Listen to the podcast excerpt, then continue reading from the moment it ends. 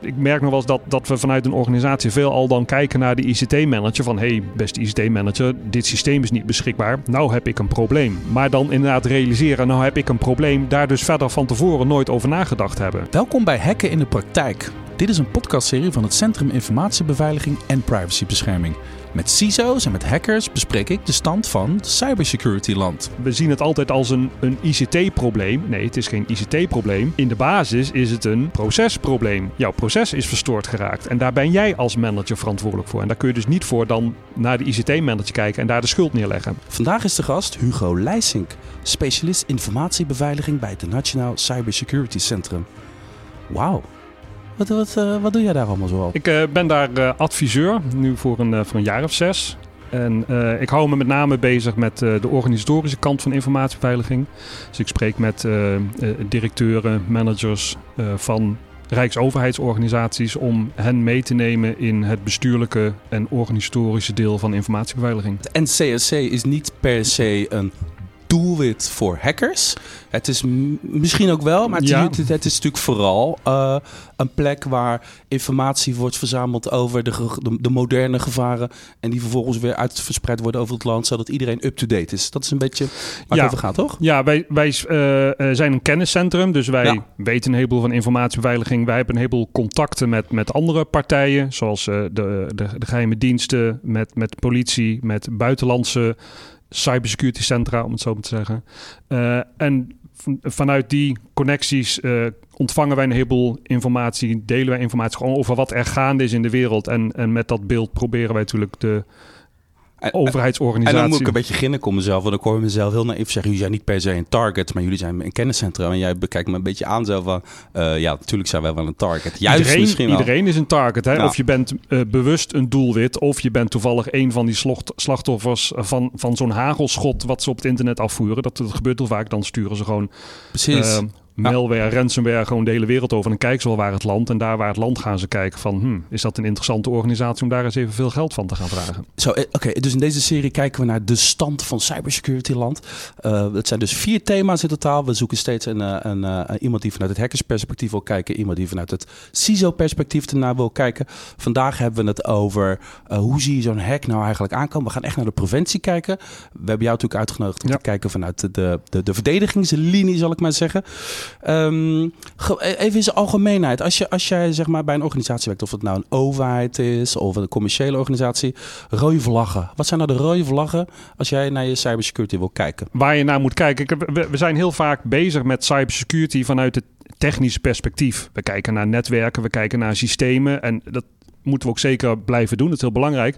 Maar wat we wel eens vergeten is dat, dat die techniek, al die computers, die zijn ondersteunend aan wat een organisatie feitelijk aan het doen is. In die computer zit informatie en die informatie is nodig om ons primaire proces te laten draaien. Net zoals dat daar uh, geld voor nodig is en daar medewerkers voor nodig zijn. En eigenlijk zouden we eens wat verder moeten kijken dan alleen die techniek. Dus niet puur kijken naar hoe voorkomen we dat een systeem gek wordt. Maar eigenlijk moeten we kijken hoe moeten we voorkomen dat ons primaire proces wordt verstoord. Mm -hmm. Dus dat is een wat integralere aanpak misschien. Ja, waar je dus naar moet, moet kijken is eh, wat jouw primaire doel als organisatie. Waar besta jij om? Wat, wat, welke dienst probeer jij te leveren? Welk product probeer jij te leveren? Um, en welke informatie is daarvoor nodig? Welke informatie is daar belangrijk voor? Welke informatie is daar cruciaal voor? En, en die informatie, jouw kroonjuwelen als het om informatie uh, gaat, die moet je op een goede manier weten te beschermen. En nou, daar moet je dus niet alleen bij kijken van hoe kan ik een incident voorkomen.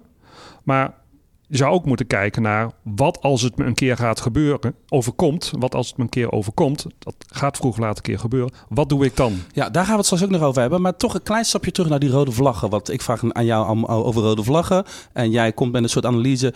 De stap daarvoor is van je moet even op zoek gaan naar de why van je organisatie eigenlijk. Ja. Hè? Waarom ben je eigenlijk op aarde? Oké, okay, dus dat betekent dat elke organisatie zijn eigen rode vlaggen gaat krijgen. Ja, iedere organisatie is, is uniek. Uh, we hebben binnen de overheid ook een heleboel ZBO's, we hebben een heleboel ministeries. Maar het ministerie van Defensie is niet hetzelfde ministerie van VWS. Die hebben hun eigen uh, uh, hun eigen uitdagingen, die hebben hun eigen organisatiecultuur, hun eigen, eigen mensen, eigen specifieke ICT-oplossingen. Eigen kwetsbaarheden. Eigen kwetsbaarheden. Oké, um, oké, dat is mooi. Oké, dus dan kom ik een beetje op de vraag van... oké, ik moet dus niet misschien aan jou vragen... wat zijn de rode vlaggen? Het is misschien, de betere vraag is misschien meer... vanuit het, als je de verdedigingslinies wil opwerpen... Uh, het gaat meer over het hoe... Hè, binnen jouw organisatie, hoe uh, bepaal ik wat voor mij de kwetsbaarheden zijn? Hoe, hoe, hoe doe je dat? Hoe, hoe pak je zoiets aan? Nou, breng je eigen uh, primaire processen in kaart. Uh, ga kijken bij die primaire processen welke informatie is daarvoor belangrijk noodzakelijk. En uh, ga kijken op welke manier kan die informatie verstoord raken. Uh, mm-hmm. Op welke manier kan die informatie niet meer beschikbaar zijn, niet meer integer zijn of niet meer vertrouwelijk zijn. Uh, die informatie zit in systemen opgeslagen. Maar we kijken vaak naar de bronsystemen. Maar we vergeten dat informatie wordt gebruikt, wordt uitgewisseld. Ligt ook nog in andere systemen.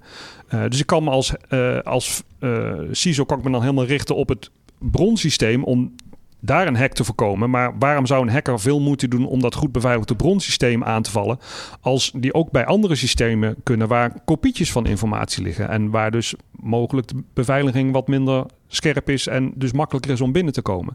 Dus vanuit die gedachte moeten we eigenlijk gewoon breed gaan kijken naar waar zit mijn informatie allemaal opgeslagen? Uh, hoe ziet dat netwerk eruit? En uh, nou, daar moet je dus dan integraal ja. naar gaan kijken en, en je risico's voor in kaart Maar dan nog steeds is ook wel een beetje zo. Het is natuurlijk niet altijd per se gezegd dat wat jij beschouwt als jouw kroonjuwelen... Uh, misschien niet per se voor die potentiële hacker... Uh, het kroonjuweel is. Zij hebben misschien net even een andere intentie. Ik kan me voorstellen met ransomware. Die hebben helemaal geen interesse in jouw uh, kroonjuwelen... of in jouw primaire proces of in jouw raison d'être. Ze leggen gewoon de boel stil en ze komen gewoon met een eis voor geld. Dus er, zit ja. ook, dus er, zit, er zijn eigenlijk twee dingen dan. Nou ja, kijk, ze zijn misschien niet zozeer geïnteresseerd in jouw kroonjuwelen omdat die informatie voor hen waardevol is, maar zij weten dat die informatie voor jou als organisatie waardevol is. En dat maakt het dus voor hen interessant om juist die informatie uh, te gaan versleutelen. Oké, okay, hoe bepaal je vervolgens hoe groot je moet inzetten? Lijkt me ook niet altijd even makkelijk. Het ministerie van Defensie of een politieorganisatie heeft du duidelijk andere wensen dan een universiteit of de bakker om de hoek. Ja. Weet je wel? Hoe bepaal je nou wat, wat voor jou een voldoende uh, verdedigingsmechanisme is? Ma een voldoende mate van beveiliging. Juist, nou ja, daar is geen uh, vast antwoord op. Je, we hebben het over hacks die mogelijk in de toekomst plaatsvinden. Het, het, weet je, niemand heeft die glazen bol waarin, uh, waarin ze kunnen lezen wanneer wat gaat gebeuren en, met, en welke impact dat zal hebben. Dus er is geen goed antwoord op dit is de juiste beveiliging. Um, dus het blijft altijd een beetje een inschatting. Um, wat, wat daarbij belangrijk is, dat je dus een, een overwogen inschatting maakt. Dus uh, breng je uh, kroonjuwelen goed inzichtelijk breng je risico's goed inzichtelijk en maak daarin een keuze. En uh, dat zeg ik ook altijd als, als, als ik in het verleden heb ik ook als security officer gewerkt.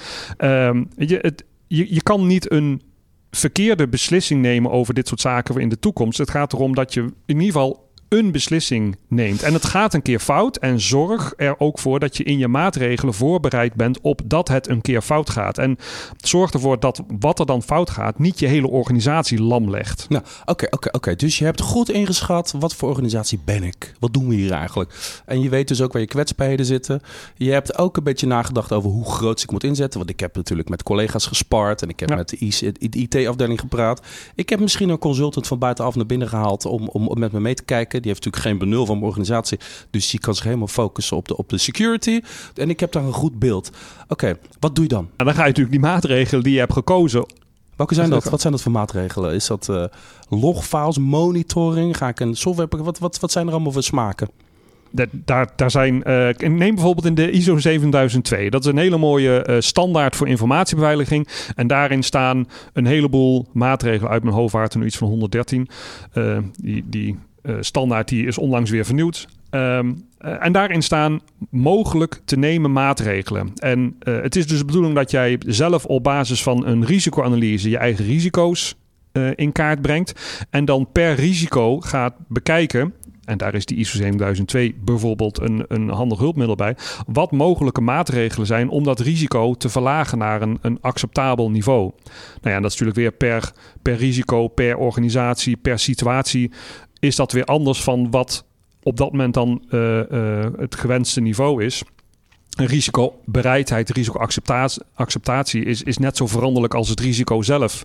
Uh, weet je, nu met, met de, de, de situatie in Oekraïne zijn organisaties waarschijnlijk die daar mogelijk iets mee van doen hebben, waarschijnlijk wat minder risicobereid dan, dan vijf jaar geleden. Dus het is niet een besluit wat je één keer neemt, je neemt maatregelen en that's it. Het is een soort organisch proces. Je moet eigenlijk periodiek dat constant in de gaten blijven houden en constant her, herevalueren en aanpassen aan de, aan de tand des tijds. Informatiebeveiliging is een proces en geen project. Het heeft geen begin en einde. Je hebt het nu al twee keer gezegd, dus we ontkomen er niet aan. Het gaat gewoon een keer mis. Iedereen. En dat, en dat is misschien niet eens jouw schuld, maar je bent gewoon kwetsbaar en er, overal gaat het een keer mis. Dan is preventie natuurlijk ook, hoe voorkom je dat het helemaal uit de hand loopt? Dat je hele organisatie eraan gaat en dat je ervoor zorgt, oké, ze hebben dat ene deurtje ingetrapt. Pijnlijk genoeg, lastig genoeg, maar we hebben nog een paar deurtjes uh, ingebouwd. Wat, wat doe je om te voorkomen uh, dat het bij dat ene deurtje blijft, dat het niet als een soort olievlek door de hele organisatie gaat? Nou ja, daar heb je dus aan de ene kant heb je mogelijke technische maatregelen voor. Dat uh, een hack op één systeem niet een hack op jouw hele netwerk uh, gaat betekenen.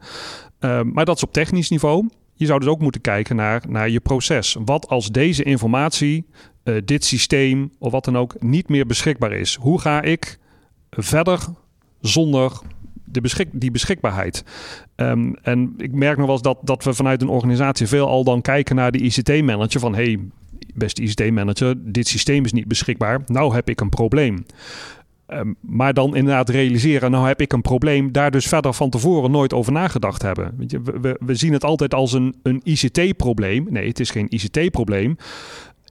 In de basis is het een procesprobleem. Jouw proces is verstoord geraakt. En daar ben jij als manager verantwoordelijk voor. En daar kun je dus niet voor dan naar de ICT-manager kijken en daar de schuld neerleggen. Ik vind het grappig. Jij, jij, uh, papa, jij trekt hem steeds terug uit de, de ICT-wereld naar. Dat betekent dus dat het dus niet een, alleen een ICT-probleem is. Het is een probleem waar we met z'n allen binnen de organisatie mee te maken hebben. Dus je moet iedereen ja. meekrijgen. Dus, dus je bent als CISO niet alleen verantwoordelijk voor de ICT. Nee, je bent verantwoordelijk voor de mentaliteit van alle medewerkers. Dus je bent een soort psycholoog ben je ook nog eens een keertje. Je, je bent als, als CISO ben je ook zeker bezig met, uh, uh, met, met het organisatorische deel, met, met het bedrijfsdeel. Je, niet alleen de techniek, maar ook zeker de business is belangrijk.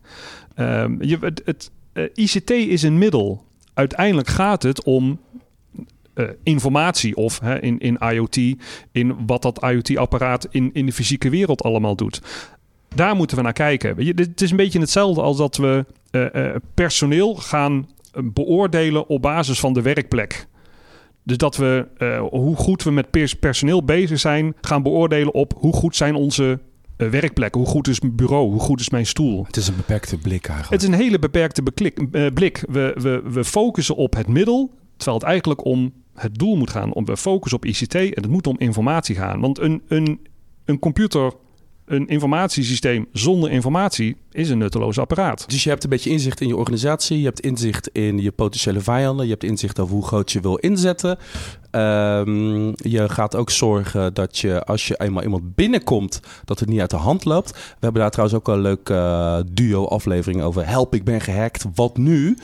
Um, een klein tipje van de sluier. Wat staat er in het plan dat jij natuurlijk hebt klaar liggen? Ja, ook, ook dat is weer organisatie-specifiek. Een, een, een, gemeente is, is geen ministerie, een, een bank is geen ziekenhuis. Dus waarvoor zij bestaan is anders. Dus wat er in eerste instantie gedaan moet worden bij een ICT-storing, is organisatiespecifiek. In een, in een andere aflevering uh, hebben we het over preventie, maar dan door de ogen van de hacker.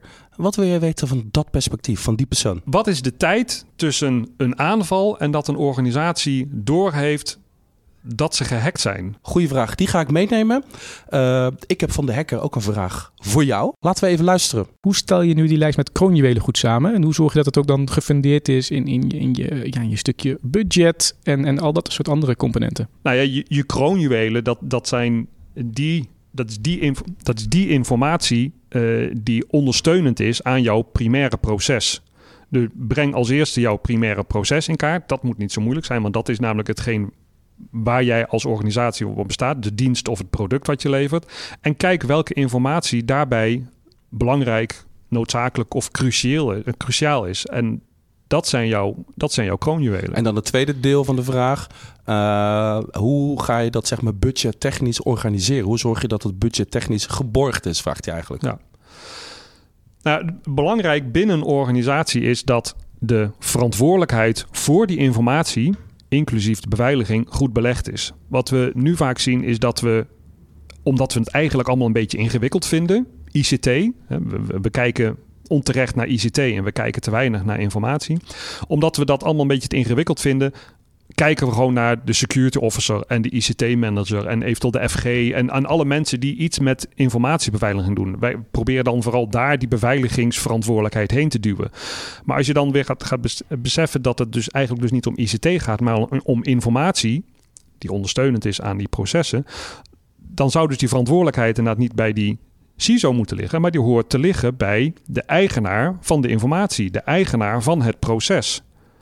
En die persoon zou dan ook moeten inschatten. En daar moet je natuurlijk ook, die persoon mee, mee, een beetje mee ondersteunen. Okay, en als je dat dan definieert, dan ga je kiezen hoe ga ik mijn geld inzetten die ik beschikbaar heb voor het, uh, verdedigen van mijn uh, organisatie. Ja, en, en dat is ook weer op een gegeven moment een afweging. Uh, het, is, het is een risico. En aan de ene kant heb je dus de kosten voor je maatregelen. Aan de andere kant heb je de mogelijke impact op de organisatie als het misgaat. En dat moet gewoon een beetje een kosten-batenanalyse worden. En, en, en daar is geen goed of fout antwoord in. Het belangrijkste is dat je ermee aan de slag gaat en een keuze maakt. Weet je wat nou eigenlijk de belangrijkste belangrijkste les is die ik nu van jou leer. En het is iets wat je natuurlijk wel weet.